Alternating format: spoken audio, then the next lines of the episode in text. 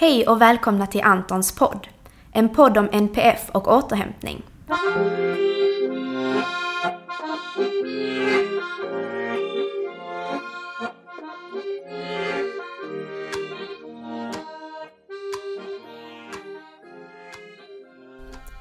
Jag heter Marie och kommer att i dessa poddavsnitt utforska olika aspekter av hur det är att leva med eller tillsammans med någon med NPF, neuropsykiatrisk funktionsnedsättning. Jag heter Josef. För tio år sedan så jobbade jag som pedagog på en särskola och fick en ny elev som hette Anton. Han lärde mig om autism och han lärde mig minst lika mycket om behovet av återhämtning. Jag lärde också känna Antons mamma, Lotta. Att leva med Anton är både fantastiskt och underbart. Men det är också utmanande. För Anton har svår autism och det påverkar hela familjen. Vi är ofta helt slutkörda och har ett stort behov av återhämtning. För att skapa möjligheten att få anpassad återhämtning skapade Lotta, Josef och Antons läkare Helena föreningen Antons hus. Denna podden handlar inte om Anton, men Anton har vi alla gemensamt. Podden är för er alla som också har en Anton.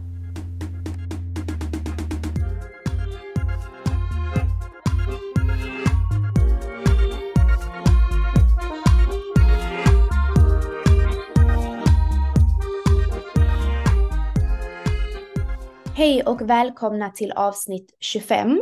Och idag har jag med mig Lotta. Hej! Och lyssnar ni på vår podd så känner ni ju igen Lotta. Som ni också hör från vår poddjingel är hon mamma till Anton och en av Antons hus grundare. Så välkommen tillbaka Lotta. Tack ska du ha. Men sedan har vi också med oss Emma. Varmt välkommen Emma. Tack så mycket, hej hej. Vill du berätta lite kort om dig själv för våra lyssnare så de kan lära känna dig lite bättre? Absolut. Ehm, ja, men jag eh, är ganska ny här med Antons hus. Ehm, har väl hängt med det här gänget i ett halvår ungefär.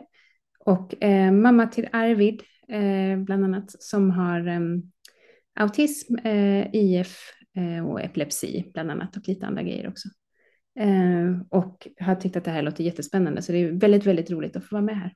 Mm, vad kul att ha dig här. Och eh, Eftersom att både Antons hus öppet hus och återhämtningskampen är nu i helgen den 27 augusti ska vi idag prata om vårt favoritämne som är återhämtning och vila. Så eh, skulle ni vilja börja med att dela med er av hur er relation med återhämtning är som förälder till barn med autism? Ja, eh, och det är en sån där lite stor och svår fråga, men för mig är väl återhämtning alltid någonting som man ligger back med. Eh, för att det är, så, det är så svårt att beskriva, men det, för mig har det alltid varit som att man ligger hela tiden fyra steg back med det mesta i livet. Eh, för att det är svårt att hinna med, det händer alltid oförutsedda saker och orken finns liksom inte riktigt där, men man måste orka. Så att återhämtning är en sån som alltid ligger på to-do-list, men som man sällan hinner med. Och eh, vad är dina bästa tips för att få återhämtning? Eller har du några tips? Eh, har du kommit underfund med det själv som förälder? Ja, alltså, um, jag tänker det första kanske handlar om att försöka här, få koll på vad som ger en återhämtning som, som person, alltså vad, jag, vad just jag behöver. Um, och att det då kanske måste vara någonting som finns ganska lättillgängligt. Um, så vad, vad ger mig återhämtning? Att det kan vara liksom den första frågan och sen handlar det egentligen mest bara om att tvinga sig själv att ta tid till det. Eh, och då underlättar det ju om det är någonting som inte är så krävande. så för mig har alltid eh, träning eller så här, ut och promenera eller springa varit väldigt bra. Eh, för det är ganska lättillgängligt. Det kan vara liksom alltifrån fem minuter till 45 minuter beroende på. Ehm, och eh, det är ett sätt att rensa hjärnan, få ut en massa känslor, och, eh, men också få en liten stund för sig själv, men att man är i rörelse. Så för mig har det alltid funkat väldigt bra. Jag har haft svårt att sitta stilla och återhämta mig. Det har jag för mycket stress i kroppen. Alltså min relation är nog... Eh, jag är inte, det är skönt att gå ut och gå. Jag tycker om att gå ut och gå med, med hunden och så till exempel. Men jag är inte så mycket för att träna sådär annars. Men för mig är det viktigt att få tvinga mina tankar till någonting. Till exempel att lyssna på en podd eller så. För annars så bara börjar jag älta och tänka och, och, och så snurrar problem runt och så börjar eh, jag försöka hitta lösningar och så det, det blir liksom Jag kan inte riktigt koppla av då. Utan jag måste ha någonting som får mina tankar till någonting annat. Sen är det skönt att inte ha någonting. Jag sitter gärna och plockar kirskål eller spelar Heyday eller någonting som inte alls kräver något engagemang eller hjärnverksamhet. Och så kanske jag slö tittar på tv eller så lyssnar på en podd samtidigt så att, min, så att mina tankar inte får vandra iväg mm. utan blir fångade någonstans. Jag kan verkligen hålla med om det, att både göra någonting aktivt liksom, men också eh, för jag har också svårt att när jag går ut och går eller springer eller vad nu att då behöver jag ha någonting i öronen för att annars så börjar också mina, min hjärna liksom få sitt eget liv. Mm. Så att jag behöver ha någonting som håller fast det på ja, något vis. Som, eh, som ja. ja, men hängnar in den. Ja, man ska säga. Så att man inte spiralar iväg på Nej. de här... Mm. Nej, ja. Man måste hitta sitt sätt, det är det. Och så måste man bli medveten om att man faktiskt, nu får jag ju faktiskt återhämtning, även om det inte är en halvtimme eller 20 minuter eller en timme. Det är kanske 5-10 minuter. Och det är det återhämtningskampen vill sätta strålkastaren på och belysa. Att vi måste ge oss de lilla tiden och mm. vi måste vara medvetna om när vi faktiskt får den. Det skulle ju kunna vara när man står och väntar på bussen. Det kanske var bra att man missar bussen och var tvungen att stå där i tio minuter och inte kunna göra någonting annat. Jag fick ju uppgift av min eh, psykolog en gång att ta, hitta återhämtning när jag borstade mina tänder. Mm. För det var en sån här lagom lång stund då tankarna inte hinner springa för långt, men man gör det och man gör det oftast när barnen sover. Mm. så att det var en sån här att då är det liksom några minuter där man bara så här och så fick jag liksom tankehjälp på hur jag skulle kunna tänka. Och det var en sån här mikro, mikrostund, men som gjorde ganska mycket. Om inte annat så kunde man också känna hur man själv faktiskt gick ner i varv. Har du inte anmält dig till Antonshus återhämtningskamp som varar mellan den 27 augusti fram till den 25 september så är det läge att göra det nu. Återhämtningskampen sker digitalt och går ut på att vila sig i minst 10 minuter varje dag i 30 dagar. Du anmäler dig genom att mejla ditt namn till kampen@antonshus.se. Vill du kan du swisha ett bidrag på 100 kronor som startavgift eller swisha en valfri summa eller inget alls. Men alla bidrag går till arbetet kring Antons hus. Delta sedan via sociala medier genom att dokumentera din återhämtning med bild, text eller video. Lägg sedan upp och hashtagga återhämtningskampen för att tävla om att vinna en återhämtningshelg i Antons hus redan nu i höst. Så missa inte det!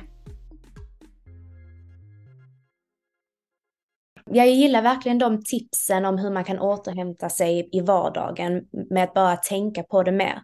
Men något som jag personligen också verkligen längtar efter är alltid efter min semester. Då kan jag verkligen vila upp mig och återhämta mig och liksom starta om restart till när jag ska tillbaka till mitt arbete. Men jag har insett att så är det ju inte för alla personer.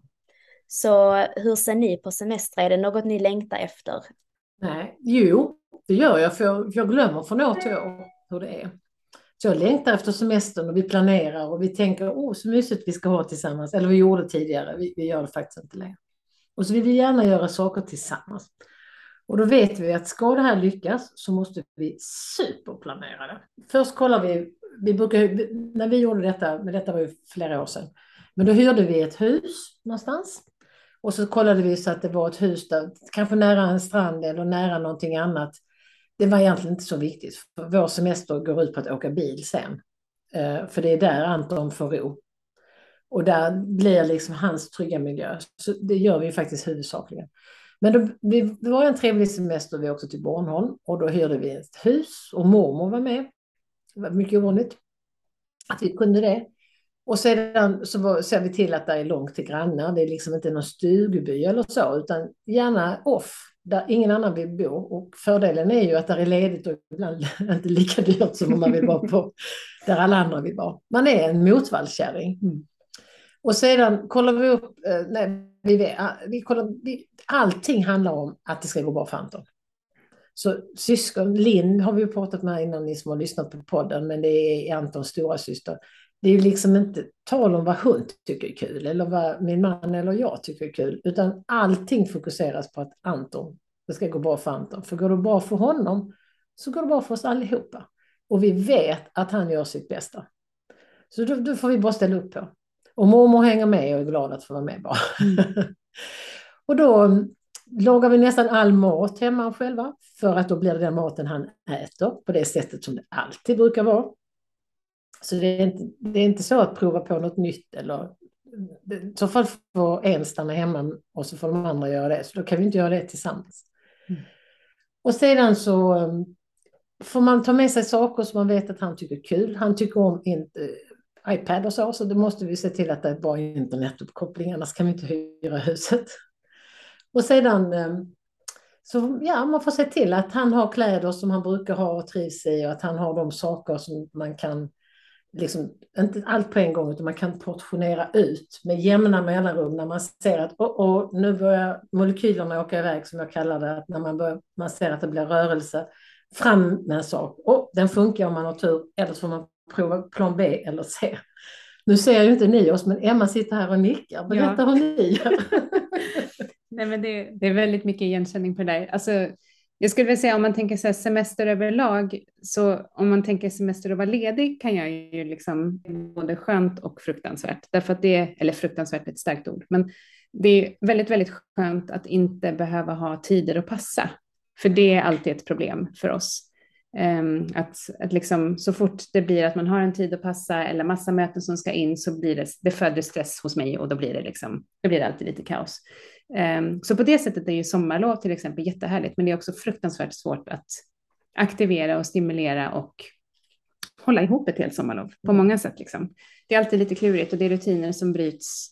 Vissa är härliga att de försvinner, vissa är fruktansvärda att de försvinner. Så det är, en sån här, det är liksom en balansgång och så går man in med, vi går alltid in med en väldigt låg lägstanivå. Mm. Att det är så här, Um, vi planerar väl i princip aldrig att åka någonstans. Ibland åker vi och kvällsbadar. Vi har utrustat vårt hem och vår trädgård med liksom diverse grejer så att det är som ett eget litet lekland mm. så att vi ska kunna vara där.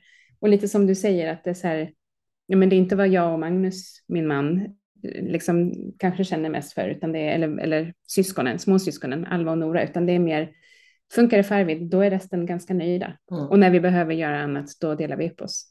Men faktiskt i år så har vi testat på att åka till en stuga för mm. första gången på, det är sedan innan Nora föddes, så det är första gången på fem år som vi åkt på semester. Mm. Och det, eh, jag nickar väldigt igenkännande för att jag, man kan ju ticka av alla de grejerna, kriterierna du säger, för att det ska funka. Vi hade också med mormor och morfar. Och det är så här, vi pratade en hel om det när vi var i det där huset. Dels åkte vi två bilar, så vi andra åkte lite före, jag och mormor och morfar och småsyskon. Och så kom Magnus och Arvid en dag senare, för då skulle vi kunna hinna alla ska välja rum, vi ska städa, alltså rodda runda och du vet så, här, så att det, så att det liksom är förberett och lugnt när han kommer och de åkte hem en dag innan också.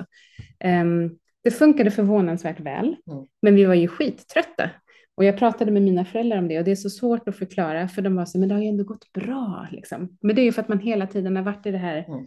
Stabsläget och liksom släckt bränder, mm. undvikit fara, alltså du vet allt vad det är. Um, och för, för oss i alla fall så blir det så att när det flyter på, då flyter det ganska bra, men när det inte flyter på, då blir det liksom fördubblat mot vad det blir hemma. Ja, det är det jag ville fråga också, för det låter verkligen som att för att få en lyckad semester så måste man planera mycket, men allt går ju inte alltid som planerat. Så vad händer då och hur hanterar ni det då? Vi försöker planera hela tiden för det värsta, så att man har, liksom, man har plan A till plan F. Liksom på vad, hur hanterar vi den här situationen? Och, um, det blir ju dels det här att man, vi gör ju ofta så att, lite som du sa Lotta, att ja, hittar man på någonting eller åker man och badar så måste vi alltid ha liksom, ja men vi kör i två bilar så att vi kan, en kan åka hem i förväg och så att man hela tiden kan plocka upp så att det inte ska bli för mycket kaos, men också för att ja, men till exempel småsyskon, ja, men då får de ju bada färdigt till exempel, att inte allting, att inte allting ska skita sig, för då blir det konflikt på konflikt. Um, så det gör väl vi, att vi alltid försöker ha reservplaner, men sen så har vi också alltid en sån här, uh, blir det för mycket så åker vi hem, blir det för mycket så åker vi hem. um, och det, det är någonting som man är så van vid så att man känner att man inser, ja, vi pratar om det sen också, att man inser inte riktigt längre att det är ganska tråkig inställning till livet. Mm. För det är någonstans som man är så van vid det. Och där kan jag känna att eh, vad som är svårt i det här när man tänker det här, för vi, som nu när vi vågade åka iväg, så man säger, men det gick ändå ganska bra liksom. Mm.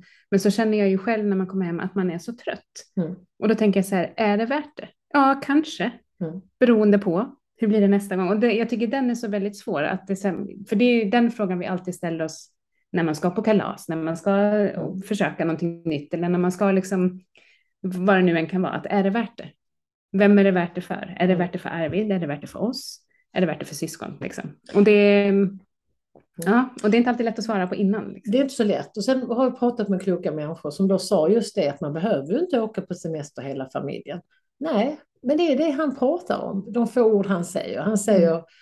Taxi flygplanrummet. Det betyder mm. att han ska på semester. Och han tycker om att se på de bilderna när vi lyckades gå ner till stranden och bygga eh, liksom, det var en stor sandstrand som var ganska tung och vi byggde sand och vi gick badade där lite. Han, han tycker ju om de små mm. bitarna som är små pärlor. Och de vill man ju heller inte missunna. Men vi har inte åkt på någon sån semester. Det var vår senaste, jag vill inte säga sista, men det var vår senaste. Vi kan inte längre. Det, han har mm. blivit större och det går, det går liksom inte längre. Och det är hemskt synd. Men då har vi försökt åka själva. Och då får Anton vara hemma och bo på sitt boende eller när han då gick i skolan på sitt boende där. Men det är jättesvårt att åka iväg då tre och fyra i familjen och ha semester. För han har det inte speciellt bra där han är. Mm. Och det, det, det, det gör ont i hjärtat att åka iväg då så ska vi då njuta av detta ha trevligt. Och då har vi kunnat till en viss del. Men vi har också fått när vi har suttit och ätit på en god restaurang och precis kanske börjat försöka koppla av, då får man ett telefonsamtal. Ja, men nu har Anton fått ett utbrott. Eller nu har han fått ett EP. Eller hur ska vi nu, får han prata lite med er för han är så ledsen och upprörd.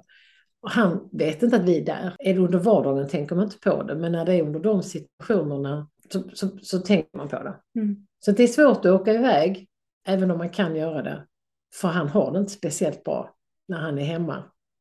Eller är på de här boendena och så. Och det inte fungerar så där jättelysande. Hade det fungerat jättebra hade det inte varit något problem. Jag vet inte, ni har väl någon, kanske någon avlastning som fungerar bra? För det är alltid roligt att höra om det fungerar bra. Ja, nej, men vi har ju, vi har ju ett kortis, eh, Arvid har korttisboende. Eh, några, några nätter i månaden och han trivs ju jättebra där. Mm. Så det funkar absolut. Eh, så där har vi ju gjort att vi åker på sådana här små, eh, det är inte liksom så många nätter på raken, men vi har gjort det som förra sommaren gjorde vi, och faktiskt en gång denna sommaren också, att vi åkte iväg bara så här över ett dygn liksom, mm. med tjejerna. Och det är ju superhärligt, för då känner man ju så här, då slappnar vi ju av, mm. för att vi vet att han har det bra. Mm. Men så finns för oss är det alltid det här lilla gnagande dåliga samvetet, att man är så här, och sorgen över att man inte kan göra det allihop. Hur känner ni, eller vad känner ni krävs för en lyckad semester? För jag kan tänka mig att förståelse är kanske en stor grej utav det, vilket vi jobbar mycket för eh, i Antons hus. Så vad är era tankar kring det? Ja, men absolut förståelse eh, så, gott, så långt det går och så gott det går. Att liksom eh, att ha, någon, har man någon som fattar på riktigt så är det hur mycket värt som helst. Men bara att ha någon som försöker fatta är ju värt mycket det också. Mm. Um, så förståelse och någonstans en vilja att Alltså jag kan känna så här, att en vilja att skapa det som behövs för att det ska kännas mm. okej. Okay, liksom. uh, att kunna tänka utanför den boxen.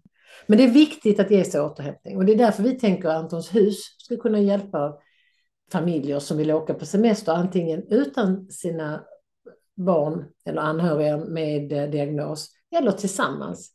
Och vi kan ju anpassa huset till så mycket vi kan genom en dialog och att vi pratar med varandra och så.